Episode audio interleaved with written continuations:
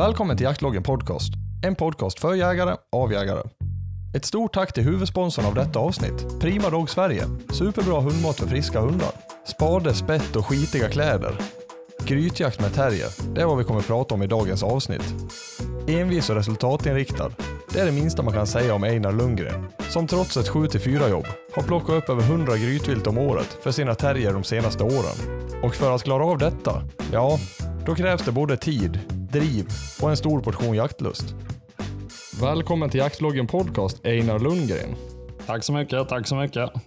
Nej, jag köpte en tysk jaktterrier för att jag blev helförtjust en gång vi var ute och skulle jaga grävling ovan backen. Med just en tysk jaktterrier de jagade mycket, sköt mycket grävling på ståndskall för. Okej. Okay. Men GPS-mottagningen försvann. Vi gick dit, då låg hunden nere i ett gryt. Och så grävde vi upp den grävlingen och sköt den. Och då tänkte jag att en tysk jaktterrier och jaga i gryt, det ska jag göra. Ja. så, så, så blev det. Och den tyska jaktterriern då, funkade den bra som grythund? Nej, det gjorde han väl inte. Han gick väl in och jobbade från första släppet han fick, men eh, drog på sig allt för mycket skador. Så det vart bara två, två grytsläpp med han. Mm. Gick du över på foxterrier direkt då? För det ska jag säga att det är ju foxterrier som du har idag. Ja, det blev en foxterrier sen. Och det var egentligen av en ren slump. Utan jag fick höra att det var en som skulle göra sig av med en foxterrier eftersom den låg för länge. Han ville bara jaga räv. Jag gick ju i skolan och hade inga pengar, men jag hörde av mig till han i alla fall. Och, och frågade om jag kunde få ta hunden på avbetalning som kostade hela 6000. Okej. och, och han var väldigt snäll och lät mig göra det. Och på så vis föll det in och jag fick inte ta honom för mina föräldrar. Men jag tog han ändå och höll mig undan några helger. Tills att hon insåg att något var lurt och då sa de nej men kom hem även att du har skaffat en hund till då. ja, så var det. Men de var inte medvetna om att du hade skaffat en hund då?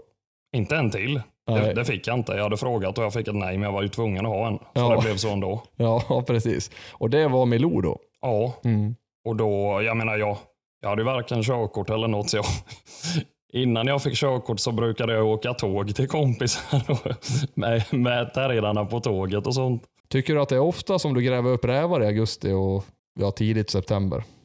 Inte utan att det har varit en stövare inblandad. Nu åker jag inte speciellt mycket när folk ringer om indrivna rävar eller inspårade rävar, för nu, jag har för mycket med mina egna stövare. Men ja. tidigare så var det mycket det här att folk ringde och sa att de hade inspårade rävar Framförallt i augusti och tidig september. Det är ju faktiskt någonting man kan tänka på att det är ju väldigt sällan en räv. Jag tror att jag på rak arm, vad jag kommer på nu just i augusti, har hittat rävar kanske två, möjligen tre gånger. Mm. Och då har det varit grisväder. Och båda de gångerna har vi jagat grävling och då har rävarna forit ut utan att bli skjutna. I och med att vi har varit ute i tron att vi jagar grävling. Så jag brukar alltid säga det att oavsett vad, har man ett nedspårat djur i augusti så är det alltid en grävling, brukar jag tänka i alla fall. Ja. Jag vet att alla de gångerna i år som jag hade nedspårade djur, det var då grävlingar, för de sköts ju. Ja. Ja, så det varit ju väldigt enkelt. Jajamän. Men då får man ju också veta vad hunden har spårat. Ja, ja visst. Sen om det är räv eller grävling i den så noga. Jag sa ju att vi skulle komma tillbaka till din första hund Milou där. Jajamän. Jag vet ju att du höll på med lite räddningsuppdrag med han när du bodde nere i Småland? Ja, ja, jag lyckades få fram lite hundar med han. Tänkte att du kan väl få berätta lite för, för de som inte vet om det. Hur, hur gick det till? Liksom? Och vad, vad var det för typ av saker som du åkte på? Det började väl egentligen att, eh, att en kompis till mig ringde och frågade om jag hade möjlighet att komma dit och hjälpa han, för han hade släppt in en tysk på en räv.